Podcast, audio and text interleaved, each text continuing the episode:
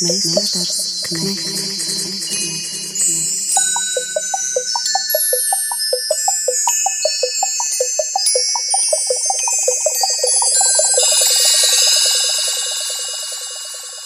Meistars Knechts. Sveicināti raidījumā Meistars Knekts pie mikrofona Orests Silabriedis, un šī raidījuma tēma nodefinēt ir gandrīz neiespējami, jo Kaut kā mēs galu galā nonākam pie Kristiāna Brektes sienas gleznojuma, jeb tā sauktā murāļa, taču atspērienu punkts ir pavisam kas cits.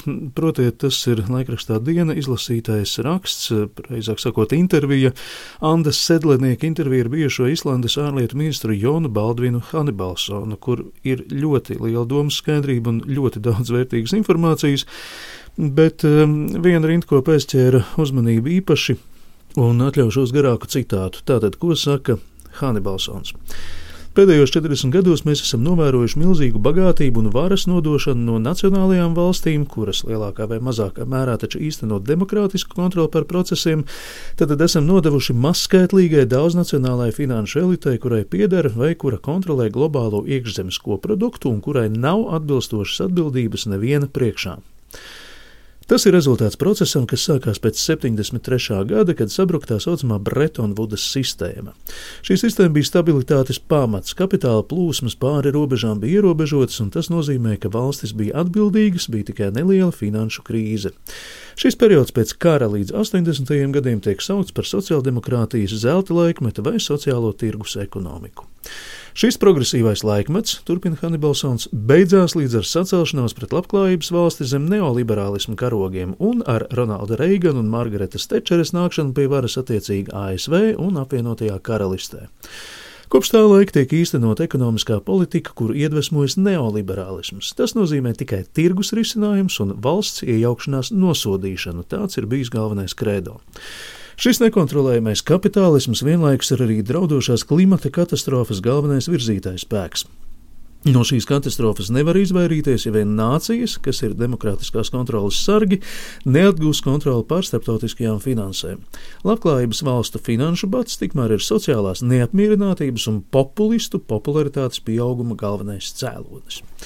Tā saka Islandes kādreizējais ārlietu ministrs Jons Baldvins Hanibalsons. Paldies Andim Sedliniekam par šo sarunu, un no šīs sarunas savukārt sākas mūsu tikšanās ar firmas zīmi Meistars Knekts kurā mēs sarunāsimies vispirms ar rakstnieku dzinieku Haraldu Matuli, kurš ir Latvijas radošo savienību padomus ģenerālsekretārs, un pēc tam tiksimies nelielā diskusijā, kur trietā satiksies Ieva Leismējera, Krists Auznieks un Uldis Lipskis. Un varbūt pat, ka šīs reizes Mesters Knekts būtu iegūs arī kādu citu leņķu vai pagriezienu, taču patiešām bija interesanti uzzināt, ka pēc ilgāka laika arī, nu, piemēram, Norvēģijā ir gāsta līdzinējā ilgi valdošā saucamā dzels sērna, un pie varas ir nācis grupējums, kuru tik labi varot saukt arī par populistisku.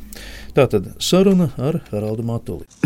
es īsti nesapratu, vai pastāv tieši saiknes starp to, ka 70. un 80. gadu mijā pasaules uzskatus uzvarējušais neoliberālisms. Vai tas ir kaut kādā veidā tieši saistīts ar to, ka šobrīd tik labas dienas ir tiem, ko mēs saucam gluži vienkārši par populistiem? Man liekas, tā saiknē tur nav viena gājiena saiknē. Drīzāk šis populisms un populisti varētu būt kā atbildes reakcija uz neoliberālismā ļoti labajiem panākumiem. Tādā ziņā, ka viņš kopš 70. un 80. gadu Mijas ir kļuvis par vadošo politisko, ekonomisko iekārtu visā eh, demokrātiskajā pasaulē. Un, un tad, kas no šī neoliberālisma izriet, ka tiek ražots aizvien vairāk un IKP aizvien aug, bet reizē aug arī šī ienākuma nevienlīdzība. Tātad, pirmkārt, bagātības koncentrējas vairāk augšā elitē, Un tie, kas ir bijuši nabadzīgi, pat ja viņi absolūtos skaitļos kļūst mazliet turīgāki, tā kā latiņa, ko viņi uzskata par labu dzīvi, aizvien vairāk no viņiem attālinās, un tāpēc aug šī neapmierinātība.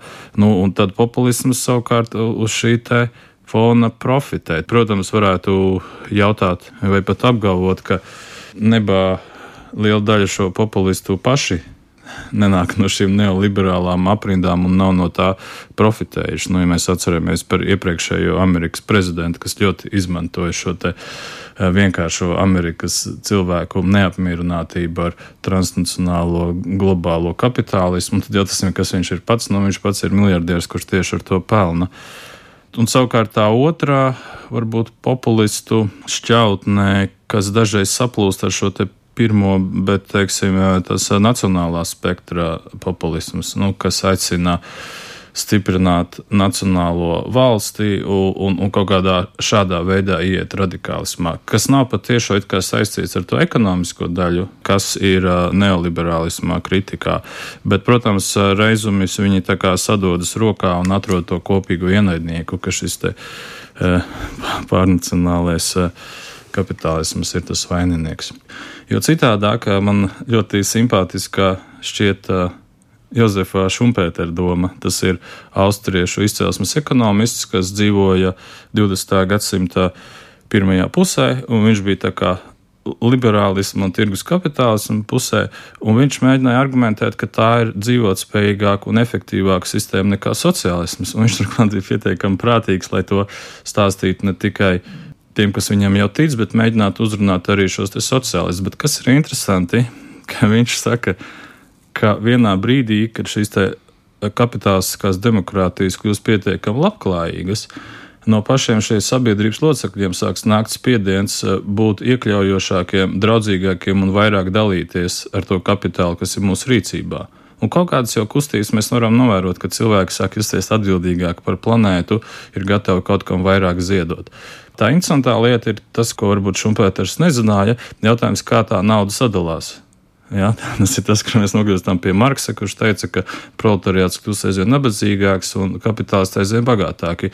Un šobrīd līdz ar tehnoloģijām ir tā, ka faktiski nu, saujiņa vai pussimts lielo korporāciju it sevišķi attīstot šīs te robotizētās tehnoloģijas, vienā brīdī viņiem nebūs vajadzīgi. Visi tie pārējie, viņiem roboti ražos labumu. Respektīvi, nebūs vajadzīgi cilvēki. Nu, kaut kādā ziņā liela daļa cilvēku nebūs būtiski, un, un šajā diskusijas kontekstā es to saku, proti, ka mums ir risks, ka pazudīs labklājīgā vidusšķira vai augstākā vidusšķira, jo vienkārši izrādīsies, ka to var ļoti efektīvi pārvaldīt tūkstoši cilvēki ar, ar ļoti labu mākslīgo intelektu palīdzību. Nu, tā ir tāda riskanta prognoze. Ja mēs nonākam pie tā, tad skaidrs, ka šī Šumpētera prognoze nepiepildīsies.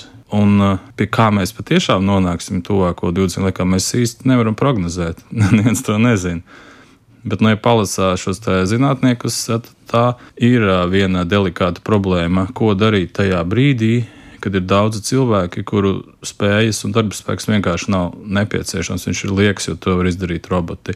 Nu, ticamākā prognoze, ka, nu, ka viņiem nodrošinās kaut kādu eksistenci. Tas izklausās diezgan bēdīgi. Ja pastāstīs uz to, kā reaģē e, politiskās elites Latvijā.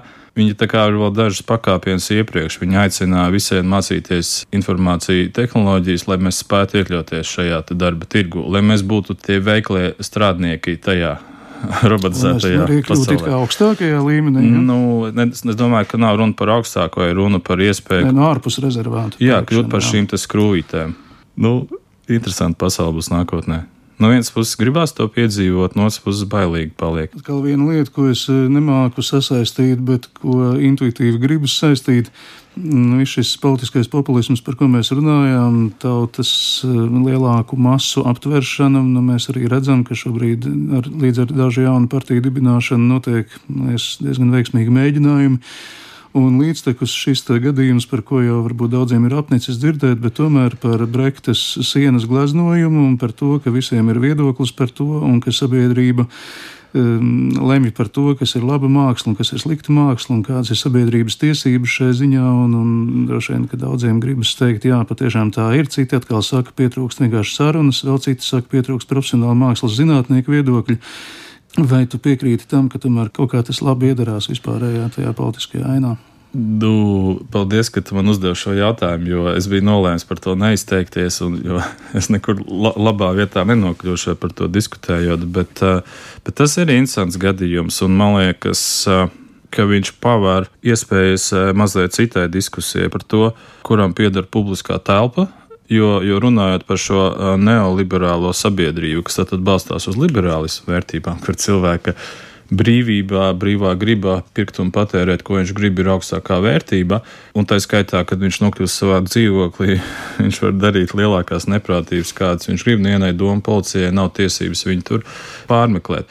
Publiskā telpa šādā liberālā sabiedrībā pieder tirgumu jo visi gabali ir privāti īpašumi, visas ēkas tiek apsaimniekotas atbilstoši tirgus interesēm un prasībām, un tāpēc tas, kas dominē Latvijā, Rīgā, publiskajā telpā, tie ir lielveikali. Tagad jau mēs esam pieraduši, ka tas ir normāli, bet varētu jautāt, vai sabiedrībai ir interese un vai sabiedrībai ir tiesības arī uz kaut kādu kvalitatīvu publisku kopīgu ārtelpu. Proti, man liekas, ka Nacionālā biblioteka šādā ziņā ir interesants piemērs. Tur gan vairāk tā, tā ir publiska iekštelpa, pa ko visu var cirkulēt, bet tā ir viena no retajām vietām, kur Rīgā cilvēki var satikties kaut kādā vidē, kas nebūtu gluži uz ielas vai kas nebūtu lielveikals, jo citas vietas vairs nav. Es atceros, ka pagājušajā gadā pandēmijā viss aizvērās.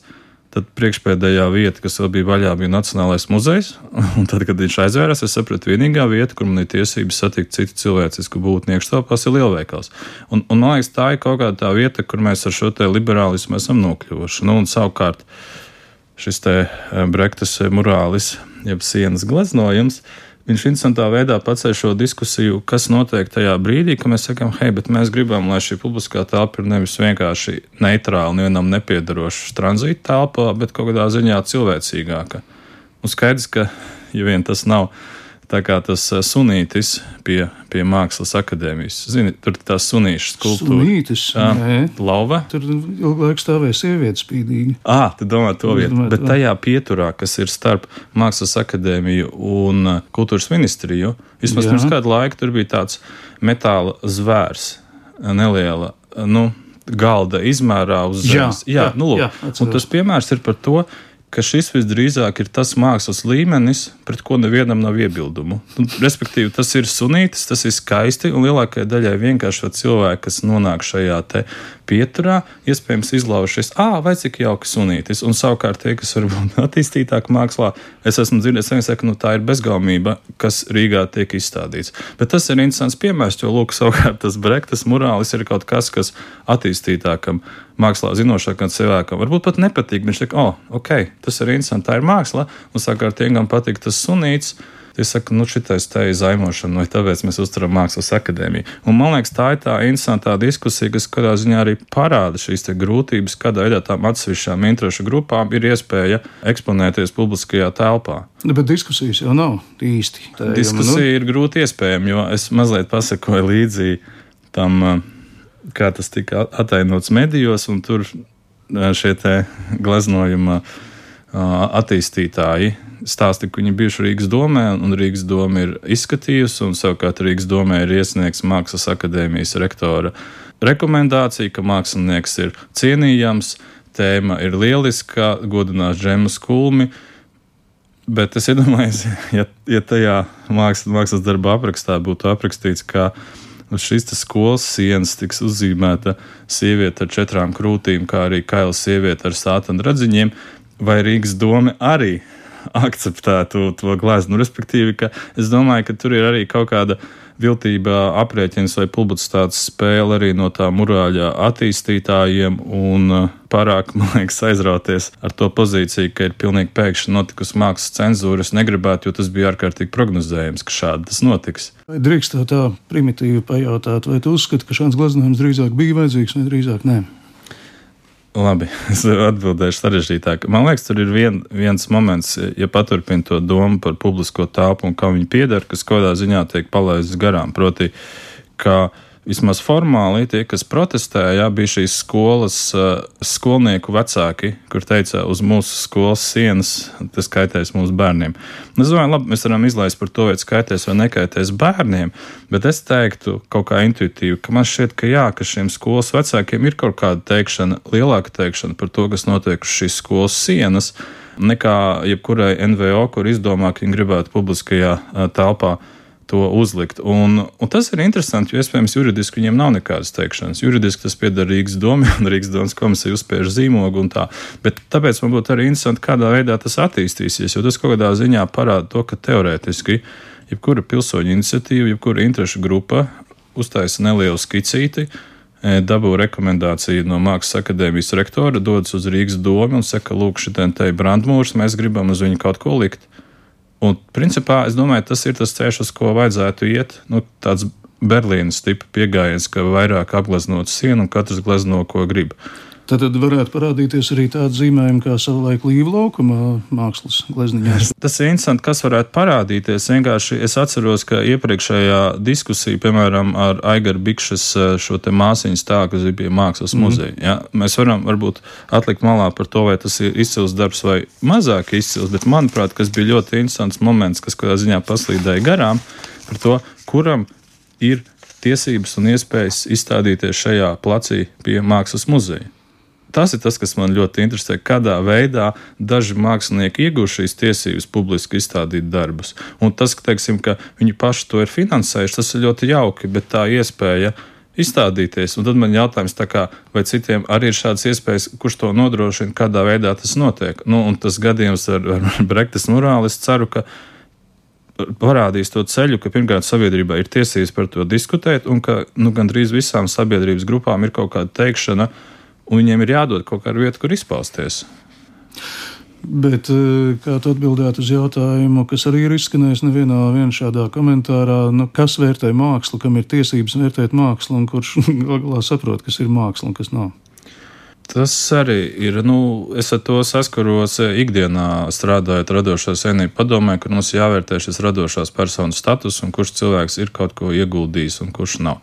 Un te jau atkal man šķiet, ka kādā ziņā veselīgāka varbūt būtu tā virzība uz šo Berlīnes modeli, jo tajā brīdī, kad cilvēkiem ļauj vairāk piedalīties, nu, teiksim, Viņam nav izglītības, viņš saka, labi, re, kur ir siena, jūs savā kopienā drīkstat to sienu apgleznot. Tad, kad viņš to sienu apgleznoja, viņš pirmkārt saprot, tas bija ļoti interesanti. Otrkārt, tas nepavisam nebija viegli, un tas, ko es uzzīmēju, izskatās pēc ķēma, bet reizē viņš jūtas tā kā atvieglots, ka viņam deva iespēju izpausties, un pēc tam, kad viņš nākamreiz ies kaut ko un nesapratīs, kā brektas zīmējumu, viņš vismaz novērtēs, cik tas ir liels, kā tas ir īstenots, un man liekas, tas ir veids, kā drīzāk veicināt cilvēku iesaistīt jā, cilvēku labvēlību pret, eh, pret kultūru un mākslu. Es šādā naivā veidā arī pats esmu iesaistījies, būdams rakstnieks. Es esmu pamācījies muzikas skolā, pēc tam pamācījies gleznot. Un, un, un varbūt tā lielākā grūtība ir tas, ka, ka, ka Latvijā pastāv liekas, tas ārējais iekšējais spiediens, ka tu kaut ko dari, tad tas ir jādara nopietni. Tad cerams, ka tu kļūsi par gleznotāju vai par komponistu, bet patiesībā tas ir brīnišķīgi laika pavadīšana dzīvot muzikā, dzīvot. Jā, bet muzikā pazin. vienmēr būs jautājums, vai tur savu kompozīciju nonāks Lielajā ģildē Nacionālā simfoniskā orķestra koncertā vai nē. Nu, es droši vien nenonākšu. Es tā kā turpinot to sienu apgleznošanu uz tēmu, man liekas, ka arī muzikā plašajai sabiedrībai būtu vēlams doties šajā mājas muzicēšanas virzienā. Jo nekas neveicina lielāku mīlestību pret muziku, ka tu spēj kaut ko mazliet spēlēt, ka tu dzirdi, kā tas skan kopā. Nu, varbūt es idealizēju, bet man liekas, ja tev nav tā soļa, tad tev tā liekas sveša pasaule, kurā dzīvo snobi vai kaut kādi dīvaini cilvēki. Un kāpēc viņus finansēt? Protams. Tā, bet ja es pats mācīšu nospēlēt eh, visvienkāršāko Klimenta etīdi, vai es arī novērtēšu, ka uz filharmonijas skatuves skan dzenīšu simfoniju? Nu, es domāju, ka tur nav tā kā simtprocentīga atbilstība. Es domāju, ka tur var rasties dažādi afekti. Nu, kāds var kļūt greizsirdīgs vai pieprasīt, lai turpmāk skan tikai klementi etīdes, bet kopumā man liekas, tā virzība ir, ka jo vairāk cilvēki zina un kad tas viņiem ir pazīstams, nu, viņi būs arī iecietīgāki vērtēšanā. Nu, tagad es varu atbildēt, man liekas, ir problēmas ar to brektas morāli. Es kā mākslas zinātnieks varu izteikties. Nu, man, jā, man liekas, ka tā ir tīša prāta provokatīvā kompozīcija un izpildījums. Man šķiet mazliet neveikls kā literātam tas uzraksts. Man viņš šķiet drīzāk virspusējs nekā, nekā, nekā atklājošs. Bet tev jau mēs nokļūstam niansēs. Un, un, un tajā brīdī, protams, kad tas ir uzgleznots uz sienas, tad man šeit loģiskāk ir teikt, ka viņu nevajag aizkrāsot, jo tas izskatās pēc mākslas cenzūras. Bet uh, es būtu gribējis tādu iejūtīgāku diskusiju no abām pusēm. Jo, piemēram, es mācījos kādreiz Rīgas centra humanitāra gimnājā. Domāju, ka hei, tur arī ir liels brandmūris. Nu, nu, vai jums ienāk prātā, ka uz tā brandmūra varētu uzzīmēt tā kā pliks sieviete ar četrām krūtīm? Nu, laikam nē. Un tad es domāju, jā, bet tad šī skola kaut kā arhitektoniski citādāka. Tas brandmūrs, kas viņai ir pie dibena, tas netiek uztīts par skolas daļu. Bet, nu, kā, kā tu argumentēsi, tas viss ir tāpat ir publiskā vide. Tā kā Kaut kad oktobrī klajā nāks filma Baņuta, kurā nacionālu un konservatīvāku ideju sargiem, kā arī Alfrēda Kalniņa un šīs konkrētās operas cīnītājiem, iespējams izraisīs ļoti līdzīgu reakciju kā Kristiāna Brektes gleznojums. Un es pieķēru sev pie domas, ka tādas provokācijas ir vienkārši nepieciešamas, lai kaut kas neapstātos, bet es vēl nespēju formulēt, kas. Bet man tomēr liekas, ka tā ir tā tāda, nu, tāda injekcija nu, vai, vai tāds pamodinājiens. Nu, nu, paskaties citādi uz kaut ko, un varbūt atkal būsi mirkli dzīvāks nekā iepriekš. Jā, es tev varētu lielā mērā piekrist. Nu, man privātā gaumē ir visu laiku meklēt kaut ko interesantu. Un, piemēram, literatūrā man vairāk interesē kaut kas neparasts. Redz, ar to brīnišķīgi uzrakstīts stāsts par klasisku tēmu man visdrīzāk šķitīs garlaicīgs. Bet nu, es pieņemu, tas ir galvenais atšķirības. Tāpat, protams, lielākoties nebaudāmi ir tādi pašmērķīgi eksperimenti. Nu, es būšu tagad oriģināls un es šokēšu, jo es to varu. Bet tā vispār ir smalka tēma, jo tad varētu jautāt, kā tad būtu pareizi jādara. Un tad es laikam atgriežos pie tā, ko tu teici, ka nu, primāri jau jādara tas, kas tev patīk, un ja tas vēl ir svarīgi kādam citam, tad eh, ļoti labi. Bet pārāk daudz aizdomāties par savas mākslas sociālo funkciju un vēsturisko nozīmību vai auditorijas atrašanu, nu, tas bija kaitē parasti mākslas rezultātam. Jā. Protams, tas ir jādara producentiem un, un, un mārketinga nodaļai, bet kādā ziņā tur būtu jābūt tai darbu sadalīšanai, ka, lai tie mākslinieki un, un rakstnieki strādā un pārējie palīdz viņiem izplatīt. Tā runā rakstnieks, dzinieks, Latvijas radošo savienību padomes ģenerālsekretārs Haralds Matulis. Diemžēl Haralds nevarēja ierasties studijā vienlaicīgi ar pārējiem sarunbiedriem, un tad nu sanāk tā, ka mēs atsauksimies uz Haralda teikto, satiekoties četratā, kur Oresta Silabrieža sarunu biedri ir mākslas kritiķe Ieva Leismējere, komponists Krists Auznieks, Liepājas simfoniskā orķestra direktors Uldis Lipskis. Un papildinot iepriekš runātu un domātu par Eiropu, par Eiropas vēsturi, atsaukšos uz literatūras pētnieka Jāņa Zandera tekstu par T.S. Eliotu, uzreiz pēc tam, kad Eliots ir saņēmis Nobela prēmiju. Tad teksts ir tapis 1948. gada nogalē un ko raksta Jānis Zanders. Viņš runā par Eliota tā saucamo Eiropas kompleksu, angļu saknes, piedzimšana Amerikā un izvēle pēc tam dzīvot tomēr Anglijā. Tāds ir T.S. Eliota liktenis visīsākajā iespējamā atstāstā.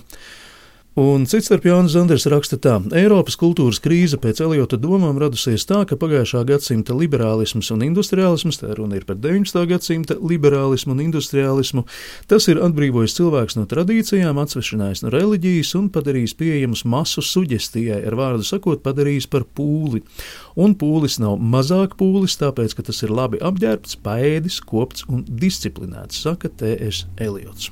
Saruna sāk Kristis Zauznieks. Nu, es domāju, to, ko Eliots diagnosticē tajos 50. gados, eh, kaut kādā ziņā, es, es, protams, tās idejas par pūli, tas jau tās nav jaunas idejas, tās nav Eliota idejas, tas ir, mēs varam iet atpakaļ līdz Nīčem vai droši vien skatīties līdz pat senajai Grieķijai un atrast šādas domas par to, ka kaut kāda pūļa, tāda akla vadīšanās pēc nekā vai vienkārši nedomāšana, tā jau ir arī tā problēma, ar ko mēs saskaramies eh, cauri laiku laikiem. Tā ir, eh, tā ir vienkārši, nu, tas ir cilvēciskais slinkums, bet dažreiz arī, protams, jāskatās šis slinkums kaut kādā kontekstā, kas nav individuālā līmenī, tas ir arī sistēmiskā līmenī. Slinkums nāk no tā, ka mēs veidojam sociālas sistēmas, kurās cilvēki varbūt nevar labi un veiksmīgi dzīvot dzīvot, un tam ir dažādi iemesli. Tam ir, piemēram, elementārs resursu trūkums, vai par ko jau atceros, Harolds runāja arī par vienkārši ienākumu nevienlīdzību.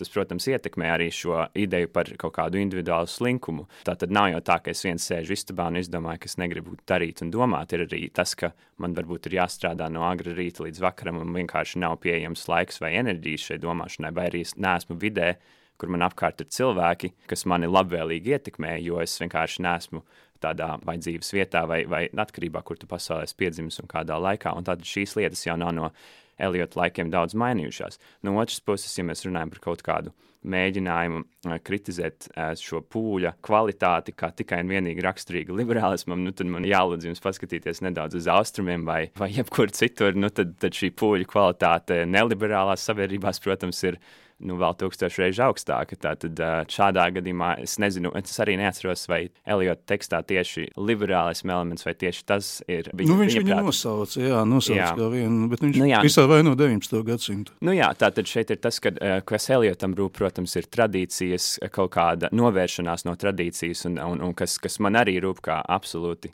skaidri liberāli izteikti domājušam cilvēkam, tas, ko es varētu kritizēt liberālismā, ir noteikti šī ideja par to, ka novēršanās no pagātnes un izvairīšanās vai pat baidīšanās no pagātnes, tāpat laikā es to ļoti labi arī saprotu, tāpēc ka ar visu šo tā saukto tradīciju, protams, ka ir bijušas milzīgas cilvēku grupas, kurām šī tradīcija nav atļāvusi pilnībā izpausties, pilnībā dzīvot savu dzīvi tādā veidā, kā viņi to vēlētos, tātad viņi ir bijusi nasta, nevis kaut kas atbrīvojošs. Un daudziem cilvēkiem šī tradīcijas nasta, protams, ir bijis kaut kas ļoti labs. Teiksim, manā gadījumā tas ir bijis kaut kas brīnišķīgs, bet tāpat laikā Eh, ir arī elementi manā dzīvē, kuros, teiksim, šī pati mūsu Latvijas ideja par kaut kādu likumību, ko mēs mēģinām pamazām likumos iecept, nu tā man ir nomoka un tā man neļauj izpausties manā labākajā veidā. Tā man atņem enerģiju ikdienā, lai es tā vietā, lai es radītu mūziku, man būtu jāiet un jāprotestē pret kaut kādām muļķībām, kas jau lielā daļā Rietumē Eiropas sen ir izdzīvotas un atrisinātas. Jā, man patīk, runājot uh, savas rinkopas pirmo daļu, tu meklē varbūt ne gluži attaisnojumu, bet tu esi ļoti iecietīgs. Man atkal dažbrīd gribas būt mazliet neiecietīgam pret to, ka katrs šobrīd izsaka savu viedokli, bet tad es atkal atceros, ka tieši uz tā varbūt ir būvēta mūsu sabiedrība.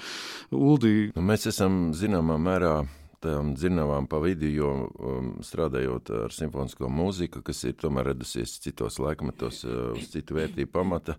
Šī demontāža, teiksim, klasiska struktūra demontāža ļoti liek domāt, cik ilgspējīgi vispār ir mūsu žanrs un mūsu darbība. Protams, es, es gan redzētu to, ka pūlis tas nebūtu nenozīmē, teiksim, zemes sabiedrības slāņi ar, ar ļoti zemiem ienākumiem un, un zemu dzīves līmeni.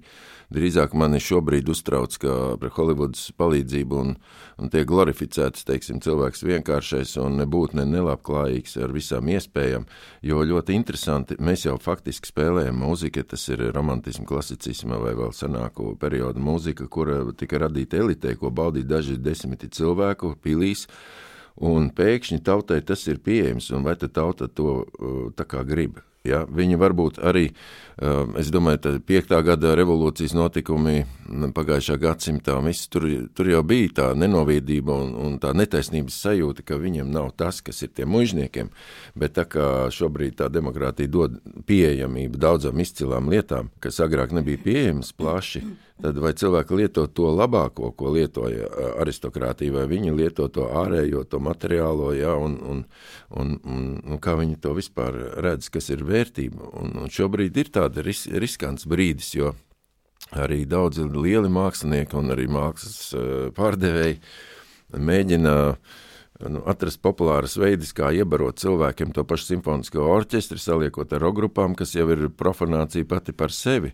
Un, un, un līdz ar to tādas, teiksim, nākotnes formas, kā saglabāt šo tieksmi uz cēlo, kas ir raksturīgi iepriekšējai paradigmai mākslas, uh, tomēr es uzskatu, ka to vajadzētu saglabāt, jo simfoniskais orķestris arī radies būtībā monarhiju laikmetā, viņš arī pēc uzbūves un kaut kur pēc gara un Pēc hierarhijas, procesiem. pēc visu, jā, Viņš jā, jā. atgādina monarhisku valsti. Mm. Un tagad mēs tagad visi būsim līdzvērtīgi, visi taisīsim kā tajā ratatu filmā. Katrs var būt pavārs. Ja nu, nāciet, tad pēc kārtas spēlējiet. Ja pat frakas nevajag vilkt džinsās, bet nu, nospēlējiet tur uz vielas solo un kā. Līdz ar to šī te tāda izcilības maskēšana, ja, aiz, aiz bailēm no masas, eh, viņa ir baisa lieta patiesībā. Un es ceru, ka mēs tomēr kaut kādu, nu, ka mēs atradīsim nišu, kurā saglabāt šo te izcilību un no tās nekautrēties. Ieva Leismēra par Kristiāna Brektes sienas gleznojumu runājusi arī savā raidierakstā, un tur citstarp tiek pieminēts tāds jēdziens kā mediācija, tad vienalga vai runa būtu par konflikta regulēšanu un starpstāvēšanu starp dažādām nometnēm, vai arī par mediāciju tādā nozīmē, ka tā kaut kādā ziņā varbūt arī vairo izpratni pasaulē. Bet Jā, ar mediāciju ir slikti. Ko, manuprāt, ļoti skaidri un vienkārši, būtībā ļoti pat rupji parādīja tas augtais Brektas morāļu skandāls, kurš, es domāju, ļoti vēlas būt skandāls. Es šo apšaubu. tu apšaubi to, ka tas ir skandāls, Jā, tā? es, ne, es apšaubu to, ka šis skandāls attiecas uz mākslu un tās mediāciju, tās uztveri. Es domāju, es redzu, ka sarunas priekšmets tiek aizstāts. Īstais sarunas priekšmets ir cits. Tāpēc viss, teiksim, tā arī tāda nu, pašpasludināta diskusija, manuprāt, tā nav arī īsta diskusija. Tāpat kā sarunas priekšmets nav īsts. Bet Kā tas skaidrot? Eh, Es mēģināšu, es nezinu, kā. Man liekas, ka tātad viss tas, kas tātad gribētu būt skandāls un gribētu būt publiska diskusija, balstās sākotnēji uz tāda mm, kļūdainu premisu, tāda kāršu namiņa. Jo par ko sašuta 40. vidusskolas audzēkņu vecāki, viņi nesašuta par mākslu. Viņi sašuta par to, ka viens um, korporatīvs, institucionalizēts projekts, finansēts, saskaņots, tiek saskaņots ar visu kaut ko, tikai ne ar, tātad, ar šīm brānmūra iedzīvotājiem. No šī punkta raugoties, ja es vispār spētu būt ar kādu kopā, es nespēju un nevēlos. Bet, ja es piepeši vēlētos, tad es būtu kopā ar 40. vidusskolas audzēkņu vecākiem tieši šī iemesla dēļ. Kāds šim visam sakars ar mākslu, laikmatīgo mākslu, mākslu publiskā telpā? Manuprāt, tieši nekāda sakara. Jā, es ievai piekrītu tādēļ, ka es to drīzāk sauktu par grafiti, nevis par mākslu, nu, kā provokāciju, bet grafiti jau ir aizliegts. Tu aizēji tur, kur nedrīkst, tur, kur bīstami nokrist, uzķēpā kaut ko un esi baigais varonis. Te jau tas tieši tā nemaz nav. Tagad pie tās pārtraukšanas, bet Uldi, es nepiekrītu arī tev. Kāds grafiti? Grafiti ir nu, kaut kāds mākslinieka, nu, kaut kāds sirds sauciens, kaut kāda pozīcija. Mākslinieks nakts aizsegā, riskējot ar dzīvību, uh, kaut ko pauž, viņam ir kaut kas, ko teikt. Šai gadījumā nekā tāda nav. Bet Nekāda māksliniekam māksliniekam ne par ko nedeg. Bet viņam ir kliedziens, viņš vienīgi ir nomaskēts no viņa paša. Jo es domāju, ka, teiksim, ejot uz tādu provokāciju, eh, tur jau tā ir eh, ietiecās, teiksim, psihiatrijas jautājumos par kaut kādām bērnības traumām. Un, un ja cilvēks grib šo dusmu lavīnu uz sevi izraisīt, līdz ar to iespējams, ka viņš. eh, Nu, tad jau Nu, tas ir tīri. tāds sociāls projektiņš. Mēs tā to arī redzam. Jā. Nu, personisks, tīri personiski. Kaut kā man arī šī, šis te viss fenomens ļoti uztrauc. Es iedomājos, vai šis zīmējums varētu tapt uz bankas sienas Latvijā, vai viņš varētu tapt uz ministrijas sienas Latvijā, vai tomēr nevarētu. Es te redzu tieši to, ka skola ir diezgan ievainojamā stāvoklī visā mūsu valsts, teiksim, tajā hierarhijā. Es kā vispār patiešām no sirds saku, es neredzu iemeslu vispār šim pievērst kaut jau kādu uzmanību, jo kas ir noticis? Tātad konkrēts NVO, nu, tagad eh, privāts eh, nodibinājums, fonds, mākslē vajag telpu, ir veicis pasūtījumu. Fonds saka, ka viņš grib pievērst plašāku sabiedrības uzmanību 20. gadsimta otrās puses mm, mākslas muzeja nepieciešamībai Latvijā. Apmēram tāda tā retorika publiskā. nu, pievērsa. Tas ir tieši tāds pats, manuprāt, nu, fakts, kā jebkura vizuāla reklāma, kas kauc paģēra uzmanību, mēs viņai dodot uzmanību, ko mēs darām. Piepildām viņa mērķus. Piepildām viņa mērķus, ka kādi ir mūsu mērķi, mūsu intereses šajā gadījumā. Man tur nav nekādu interesu. Un es um, nedodu tam savu uzmanību. Es nevērtēju arī šo projektu Ne, no kāda viedokļa? Mani tas neinteresē.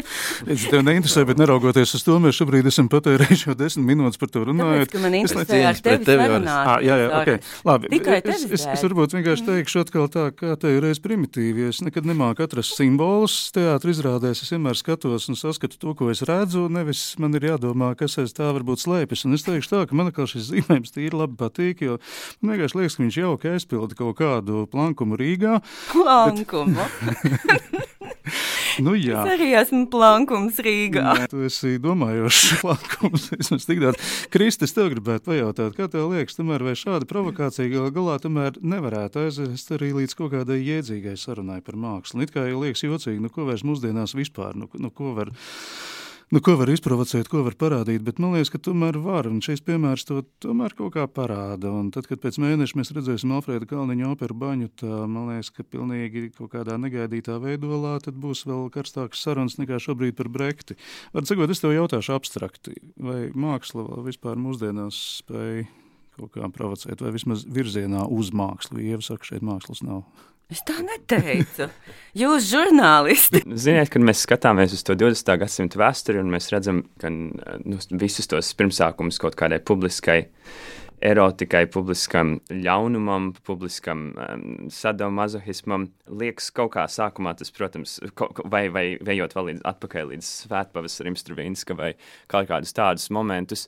Man kā 21. gadsimta pilsonim un cilvēkam tas likās tik absurdi. Nu, kā tā varēja būt, kad Stravinska salauztie ritmi provocēja šos nemierus? Un, ziniet, tagad redzot tādas reakcijas uz šo brekti, varbūt tas, par ko ievarunāju, tas man šķiet daudz, daudz interesantāk, ka mēs runājam par kaut kādu vienkārši neieklausīšanos tajā, kurus tas ietekmē visvairāk, eh, šīs skolas bērnus un vecākus. Es domāju, ka tas ir interesants arguments, bet no kaut kādas otras puses skatoties.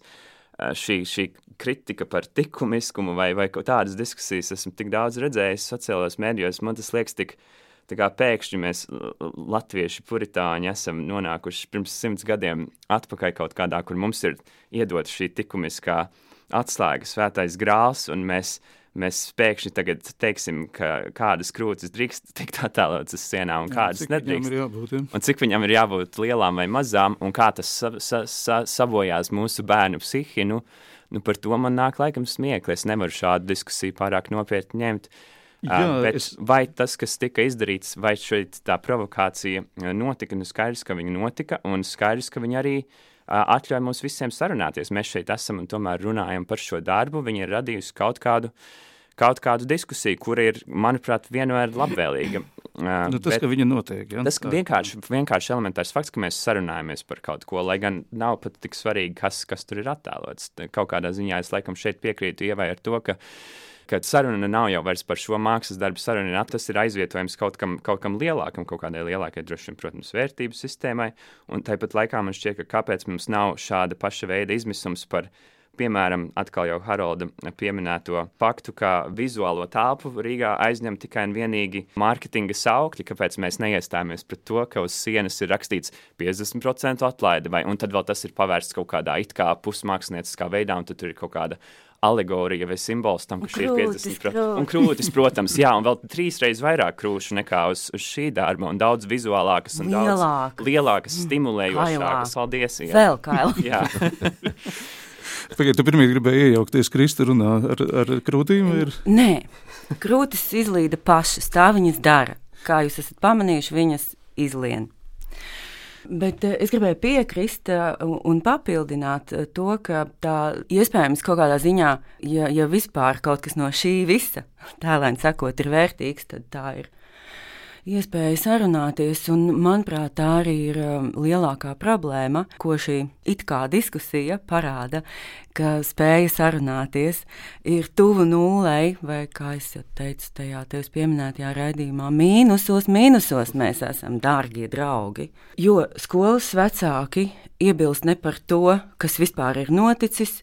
Jā, tad tas, ko es saredzu, no kā man ir bail, ir tas, ka, ko, ko es ieraugu. Cilvēki ir pat bez kāda jēdzīga iemesla, paši nezinot iemeslu, gatavi sagrupēties, vienoties.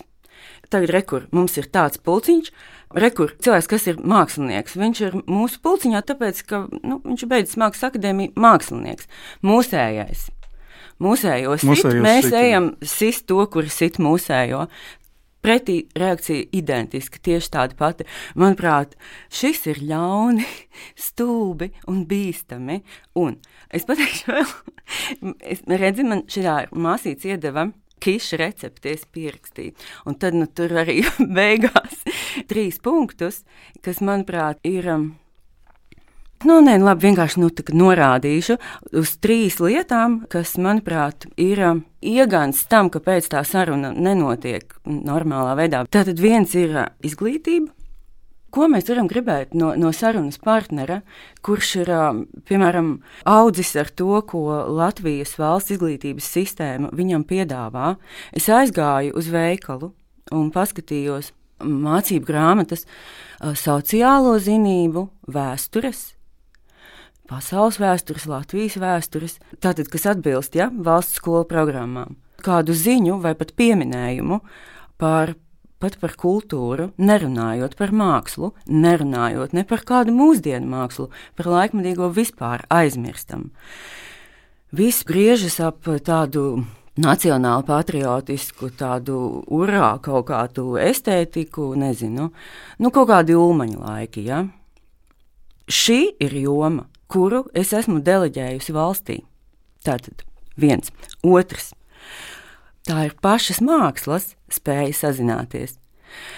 Es kā mēdījis saņemu katru dienu e-pastā vairākas preses relīzes, kas arī sauc pēc manas uzmanības. Tas, kā mākslas kuratori, arī mani kolēģi, mākslas teorētiķi, tas, kā viņi runā, raksta par to, ko viņi dara, manuprāt, sen ir ārpus laba un ļauna. Birokratizējusies valoda. Es aptuveni nojaušu, kur tam aug kājas, proti, tā ir nu, tā sauktās projektu valodas ietekme. Um, nu, labi, es schematiski gribu nonākt pie tā pēdējā. Tas ir kīša receptes gal galā, ja? Nē, kīša recepte, dārgie klausītāji, paliks noslēpums. Trešais punkts, kas ir, um, kā pasaka, pie vainas, ja, tad nespējai sarunāties ir uh, atkal nu, sarunas, tas biedrs, ja, puse vai cilvēks, kurš sarunājas. Viņš jau nu, rekur no izglītība viņam tāda, rekur māksla viņam saka tā, un tad vēl mēdīji viņam saka, mēdīji jau viņam neko nesaka par to mākslu, kāda viņa īsti ir vai pat neparāda. Mēdī viņam rāda visu laiku tādu retrospektīvu, tādu kaut kādu saziņu, ko kaut, kāda, kaut kādas bronzas skulptūras saldū, rozentālam par godu. Saldus viens, saldus divi, saldus trīs. Nekā cita. Ah, vēl māja tabaka, protams. Nu, kad māja tabaka kaut ko uzglezno, tad tas noteikti arī nonāk panorāmā. No kurienes, lai tiem sarunu biedriem būtu kaut kas galvā, Jo nu, mēs nonākam pie tā, manuprāt, nevar prasīt no cilvēka, kurš ir visu 24, 7 aizņemts ar eh, savas kaut kādas dzīves, sadzīves nodrošināšanu. Es viņam neko nepārmetu, un, un nekad mūžā nesaukšu viņu par tumsoni un plēbēju. Jo, nu, nē, es iebilstu pret šķiru sabiedrību tādā ziņā, pat ja tāda ir redzi, bija tā doma, ka mēs uh, neesam visi pūlis, bet klausoties ievā, man ir sajūta, ka es tomēr esmu daļa no kaut kāda pūļa. Tas ir viss, ko es gribēju laikam piebilst. Man, es vienkārši piekrītu laikam, visiem trim punktiem, ko Ieva teica, gan par izglītību. To es redzu, ka tas iztrūkst jau tagad, pasniedzot uh, Jāzepfīto Latvijas Mūzikas akadēmijā. Vienkārši zināšanas par, par mūsdienu mākslu, tādas elementāras. Lai gan mums viņa patiesībā vidē ir diezgan daudz šī mūsdienu māksla, bet viņas piekļuve vai tas, kā viņi sasaucas ar vien pamatskolas vai sākuma skolas izglītību, droši vien, ka tur ir kaut kas, kas ir labojams, tāpat jau minētās grāmatas un literatūra. Un tad, protams, arī tas, kā, kā tas tiek atspoguļots mēdījos, tas arī pavisam interesants punkts, par ko es, es pat vienkārši laikam neesmu tik daudz domājis. Un, un tas man liekas, varbūt tas tev nav tik daudz skārs. Varbūt vienkārši nav vēl skārs tik daudz, jā.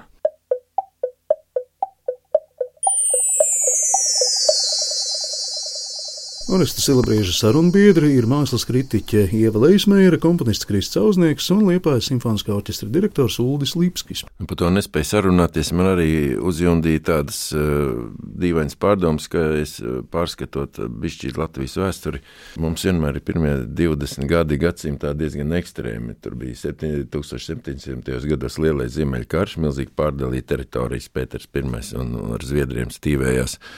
Man šķiet, ka simts gadu vēlāk bija apmēram dzimtbūšanas atcelšana, atkal milzīgs nemieris, mil, milzīgas eh, kolīzijas sabiedrībā. Nu, piektais gads to jau mēs te vairāk nu, zinām, jā, un tagad arī līdz ar to iespējams, ir kaut kāda kritiskā masa, kas uh, tiek sasniegta, ka cilvēkiem vajag izlādēt šo te agresiju. Tas ir, lai gadsimts vispār izdzīvotu, ja? Nu, es nezinu, Latvijas ne, kontekstā ir tā izslimojumi pirmos 20 nu, gadus. Bet, zini, es domāju, ka patiesībā sabiedrība var kaut kā saturēt sevi kopā un, un ar pozitīvu kaut kādu virzību darboties, kamēr kāda paudze neatcerās, cik bija briesmīgi, kad bija karš vai bats. Un mēs esam kā nieris taukos tomēr dzīvojuši, nu, ja neskaita, teiksim, tās briesmīgās izvešanas un, un, un represijas. Uh, Un man liekas, ka vienā brīdī cilvēks nogurs no, no tā, ka ir labi. Viņi, viņi sāk meklēt, vai nu izkauties, vai nu arī viņi deģenerējas. Jo ir jau bijuši arī ar dzīvniekiem visādi eksperimenti, ka vien, nu, viens sugas dzīvnieks, viens tur baro, cik viņam lien, otrs šeit pabadina, šeit kaut ko atmet. Un tā labklājīgā daļa vienkārši izbeidzās. Viņa pārstāja vairoties, deģenerēja slimo un vairs nav. Un tā, kurai ir jācīnās, tā ir kā saglabā vitalitāti. Un man mazliet neumalīgi ir skatoties, teiksim, paralēlēs, kaut vai par pagājušo gadsimtu, kas notika Eiropā, man ļoti neumalīgi. Bet šo te nespēju sarunāties, eh, man liekas, ka mazliet veicina globāli spēlētāji ar šiem te informatīviem tuneļiem, kā Facebook. Ja?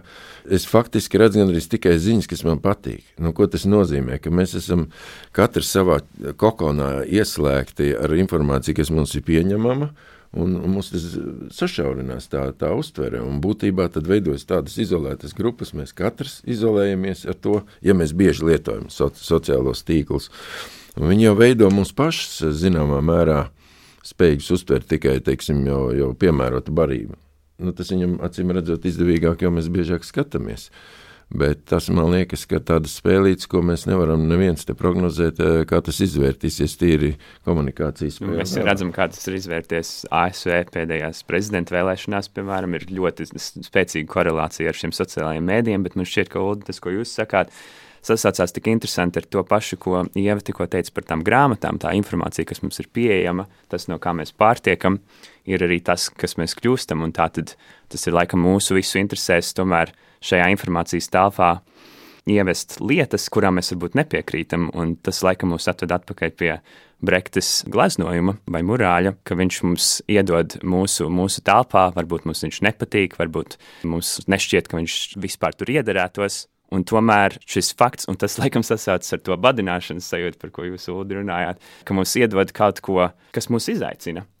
Un varbūt tā ir laba lieta beig beigās, ka šis murāls mūs, mūs, eh, mūs kaut kā. Vai tas nav kā iemest akmeni skudru pūznī, lai tām skudrām ir ko darīt kādu laiku, kamēr viņas atjauno, tā kā, teiksim, tādu neprātīga sarunāšanās vajadzību visu laiku, man liekas, tas ir arī tāds uh, manipulācijas reāls instruments. Jā, jā. Simbolu lietojums. Nu, mēs te vadājam tos ārzemniekus, rādām pirkstus tam jūgēna visam skulptūrām, viss jau, un, un skaidrs, ka simboli eh, publiskā telpā runā uz cilvēku, pat ja viņš to nesaprot, jā, un viņš nevar atšifrēt, bet tā ir tāda ietekmīga valoda, kas veido sabiedrību. Un tāpēc, teiksim, klasiskāku periodu māksla, viņi tomēr um, nu, virzījās, ja tur nebija runa par imperatoru slavināšanu, tad tomēr uz kaut kādu gara pacelšanu, uz kaut kādu tieksmu, uz ideālo, uh, visa simbola sistēma uz to vedināja. Ja? Un jautājums, ja, teiksim, cienījamais uh, mūsu neredzamais oponents, vai, vai kā viņu pieminēt, eh, ja viņš lieto kaut kādus eh, simbolus tur ar atziņiem uz skolas, ja, nu, tad, eh, tad man tas tomēr nepatīk tīri tāpēc, ka tas ir konkrēti simbolu lietojums. Tas nav kaut kāda mākslinieciska izpausme, un arī, piemēram, komponists Kristaps Petersons, kā mēs pirmatskaņām viņa čelo koncertu, Un tur visi bijām lielā sajūsmā. Viņš teica, nu jā, tā bija māksla, jo vispār māksla ir tikai pirmatskaņos, pārējais viss ir kultūra. Un tajā ziņā, ja runā par mākslinieku, teiksim, ambiciozu izpausmi, tad tur gribētos kaut ko redzēt, ja nerunā par tām sociālām prognozētajām, izreikinātajām reakcijām. Ja tāda nu, kaut kāda svaiga izpausme, nevis eh, citātas no Picasso kaut kādiem darbiem. Nu, šajā gadījumā no Džēmas Kulmas, teiksim, jā. Nu, tas nu, ir citāts. Nu, labi, jā, bet tur ir tas pārcitēts. Tad, bet, jā, bet... es, es, es to vienu teikumu gribēju ieviest raidījumā, pēc tam es atkal apklusīšu kādu brīdi. Man liekas, ka ja šī, šis glaznojums tomēr izraisītu vēlmi vecākiem sarunāties ar viņu bērniem, man liekas, ka tas tomēr būtu diezgan pozitīvs ieguvums sabiedrībai, jo nu, es pilnīgi piekrītu to, Krist, ka tā, nu, tie tikumi likumības, tās, tās definīcijas un tie ietveri, kas tiek uzlikti. Ja bērns nesapratīs, bērnam tiks traumēta psihe, bērnam vispār nekāda psihe netiks traumēta. Kādam tad viņa histēriskajai mātei? Bērns saprot visu, viņš saprot visu labāk. Jā, bet tomēr, bet tomēr, ja tie vecāki mazliet varbūt parunās ar bērnu par to, nu, varbūt, ka, nu, Tomēr kaut kas tajā izglītībā būs citādi. Man, man ļoti liekas, ka daudz kas nāk no ģimenes. Joprojām tur ir vecmodīgā uzskata. Tas ir apmēram tā, ka, ja, ja tev nepatīk tavas valsts, piemēram, kaut kāda politika, tev katrā brīdī ērti atbāž pretī, pats ievēlēja zaķīt. Pēdējā laikā es aizvien biežāk saskaros ar situāciju, kad institūcijas, jā, tieši tā, kurām es kā iedzīvotājs, kā nodokļu maksātājs, ja vēlaties, esmu deleģējusi kaut kādus darbiņus. Ja par šiem darbiņiem man tās institūcijas atbāž, ja, kad es interesējos, nu, kad tad ir, kad tad būs, piemēram, mācību grāmatas, kad būs foršākas nekā ir tagad. Institūcija bieži vien man šo saka, ka nu, pašu rokās Tāpat eh, šis man liekas eh, nu, no šī viedokļa apšaubāmi. Redzi, jau ka vecāks sarunāsies ar bērniem. Nu, un tad skola un uh, izdevniecības un viss pārējie mēdī var mierīgi iet gulēt tālāk. Jo viss prātā bija skolā mums mācīja tādu eksperimentu, kas pierādīja, ka muguras smadzenes pašas var darboties arī nedaudz atsevišķi. Bija tāda vārda, kurai nogriezta galva, turēja pincete un iebāza kājas skābē, un viņa sarāvās. Maziem bērniem šito padomu laikā mācīja maziem bērniem, pirmās klasēs. Nu, tad tu gribi teikt, ka mums ar vien niknāku skābi vajadzēs, lai vecāki sarunātos ar bērniem, tā ar vien baisākas lietas vajadzēs.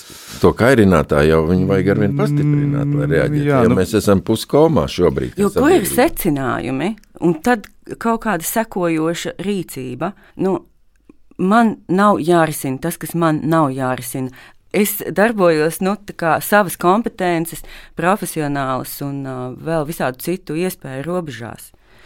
Jā, taču es drīkstu nu, vismaz atzīmēt to, kas, manuprāt, būtu, kam būtu jānotiek citādi un kas nav no manis atkarīgs. Kaut ko vēl gribēju teikt. To kišu recepti gribēju pateikt. Nē, neceri, neceri, neceri. Tas pārstāvnieciskums, vai ne, ir briesmīga lieta gan iestāšanās par kaut ko, gan kaut kā pārstāvēšana, manuprāt, arī par šo ir vērts padomāt. Jā, es... Par kaut ko, manuprāt, ļoti Šajā gadījumā runāja vispirms par to, ka vecāki pārstāv bērnu balsis. Un, un, jā, jā, mhm. kas, teiksim, juridiski, protams, tā ir. Nu, vi, jā, viņi, nu, jā. Leģitīmi ir pārstāvji, jā. taču ir runa par citu veidu pārstāvniecību, ka, ka mēs paužam kaut kādu viedokli, sakot, ka Rekurā aiz mums ir, ir tie, nu, kuru intereses jā, tie nabadzīgi, jā, kurus mēs. Kaut kādi vai stulbeņi vai kaut kādi. Es mēģināšu precizēt savu iepriekš izteikto domu. Es gribēju teikt, ka gudra cilvēka pasaulē droši vien nekļūs vairāk, tieši tāpat kā muļķi nekad nekļūs mazāk. Bet kā gudrā ģimenē audzis cilvēks vienmēr spējas pats izdarīt secinājumu par to, ko viņš redz. Laikam to es gribēju pateikt. Bet nav jau runa par iemācīšanu. Par ko tad? Man liekas, nē, runājot par izglītību. Nē, nē, nē, tur ir runa par, par, par, par vidi, tur ir runa tu par nevari to, teikt, tu... ka 30 gadu laikā, kopš ir neatkarīga valsts, ja izglītība ir tāda, kāda tā ir tagad, ja mācību līdzekļi no dažāda viedokļa, gan formāli, gan saturiska, ir tādi, kādi ir, ja tajā nekas nemainās. Es neesmu ar mieru teikt, ka, ka viss ir manās rokās un ka mans bērns neizaugs par idiotu. Uldi, Ja tu baidies no Es tā, ko taviem bērniem? Nu, es uzticos tai skolai, kurā viņi iet, bet, bet kopumā tam vecākam ir tas krusts par to bērnu atbildēt arī par to, kā veidojas viņa pasaules uzskats. Es arī zināmas audzināšanas kļūdas, varbūt pie saviem bērniem esmu pieļāvis, kā teiksim, cenšoties bez ļoti lieliem rāmjiem uh, veidot personības spilgtas, uh, kuri spēj jau izdarīt secinājumus paši un kuriem nav iedzīts tās bailes, ka tālāk tur nedrīkst, to Nu, nedrīkst. Tā to. saulē jābūt Jā. ir dzeltenai un apaļai, ja viņš glezno un tā tālāk. Bet nu, pēc tam to visu savākt ir ļoti, ļoti grūti, ka viņi sāk veidoties tiešām ar tādu nopietnu pašapziņu. Tā kā, Jā, bet rekā, mē, mēs jau paši šajā sarunā, mēs jau rekā mēs rīkojamies.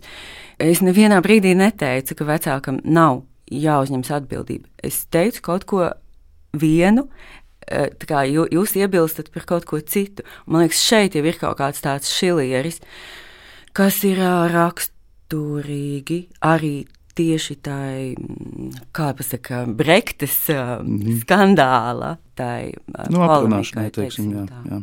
Bet jūs domājat, ka tie vecāki, kuri reaģēja, bija teiksim, kļūdies, vai tie, kas nereaģēja, kļūdies? Tad, Es teicu, es iebilstu pret jebkādām nometnēm. man liekas, ka abas- abas ne puses- Ne par jā, ko. jā, Man, jā. es, tā ir patiešām ma, mana pozīcija. Es ne par ko neiestājos. Un, uh, Un neesmu nevienā pusē no šī viedokļa. Taču man, mani, um, kā jau pasaka, tas ārprātīgais vārds izaicina. Nu, jā. Nu, nav labāks izdomājums, jā. kacina, mani kacina. Slikta saruna.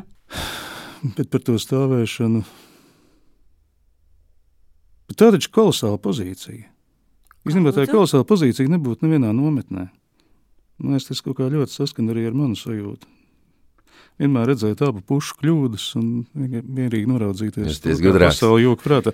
Nē, Jā, nu, bet, protams, nu, ka tā ir augstprātība, tā Jā, domā. tur Nē, arī var aizmirst kaut kādas ka svarīgas lietas. Ja, ja tu nestāvi nevienā no to, protams, ir vienmēr vērts skatīties uz abām pusēm, bet nu, nu, ne jau vienmēr viss ir neitrāli. Mēs, mēs zinām, tomēr, ka ir kaut kādas. Kaut kādos brīžos pienāk arī robežas, kurās kaut kāda puse ir jāpieņem. Jo tu redzi, ka, ja tu nepieņem nevienu pusi vienā brīdī, tad viss, principā, tu iestājies par to, lai viss paliek tā, kā tas ir, un viss iet savu ceļu. Un, ja tu kādā brīdī redzi, ka ir kaut kādas kļūdas pasaulē, pieļautas vai tavu senču, vai tavas valsts, vai ja tu neiestājies, ja tu nepieņem nekādu pozīciju, tad tu vienkārši plūsti, tu esi Daugava. Bet, ja tu gribi uzbūvēt dambi, vai ja tu gribi, vai ja tu gribi lai taviem bērniem kaut vai ir, ir labāka nākotne, kaut kādā brīdī tev kaut kāda nostāja ir jāpieņem. Jā, šis ir ļoti smags jautājums, un tā ir nākamā saruna. Jā, jā, Bet ir, ir arī tā, ir ka tiešām ir baisi tā konfrontācija, un man arī ir liels kārdinājums stāvēt ārpus uh, frontēm šīm abām un neidentificēties ne ar vienu no pusēm. Pat nu, dažādas tēmas mums tiek piedāvātas, vai ne? Vai tur ir Nu, ģimeņa nav jautājumi vai kas. jā.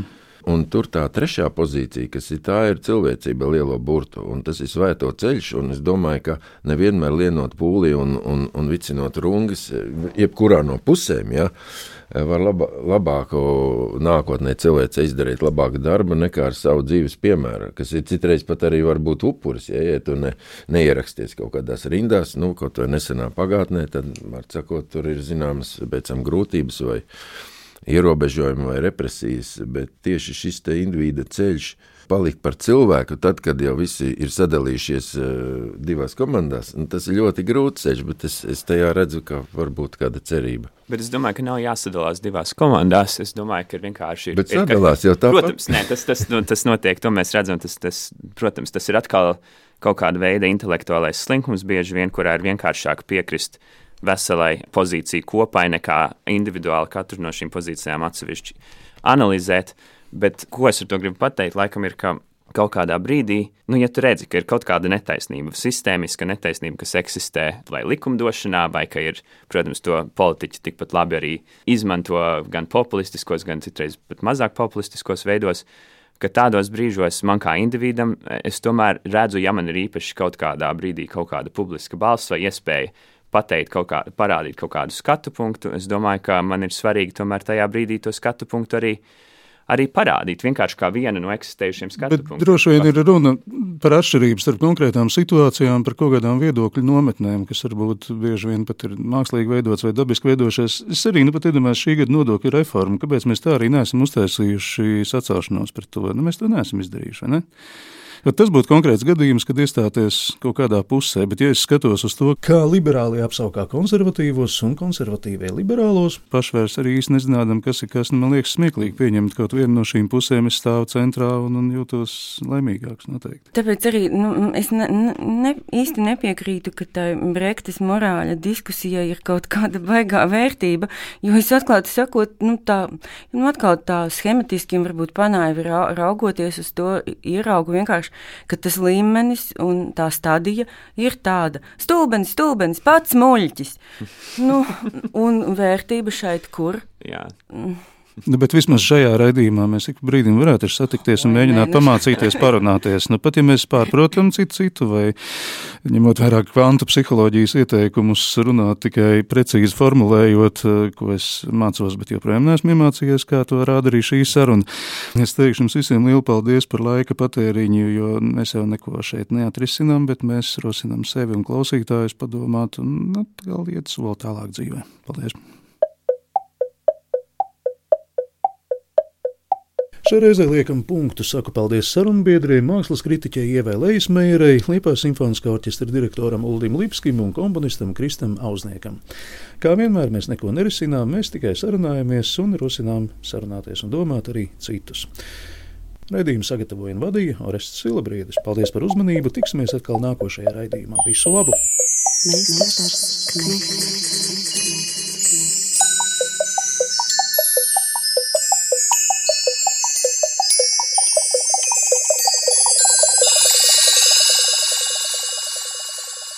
Meistars Knechts.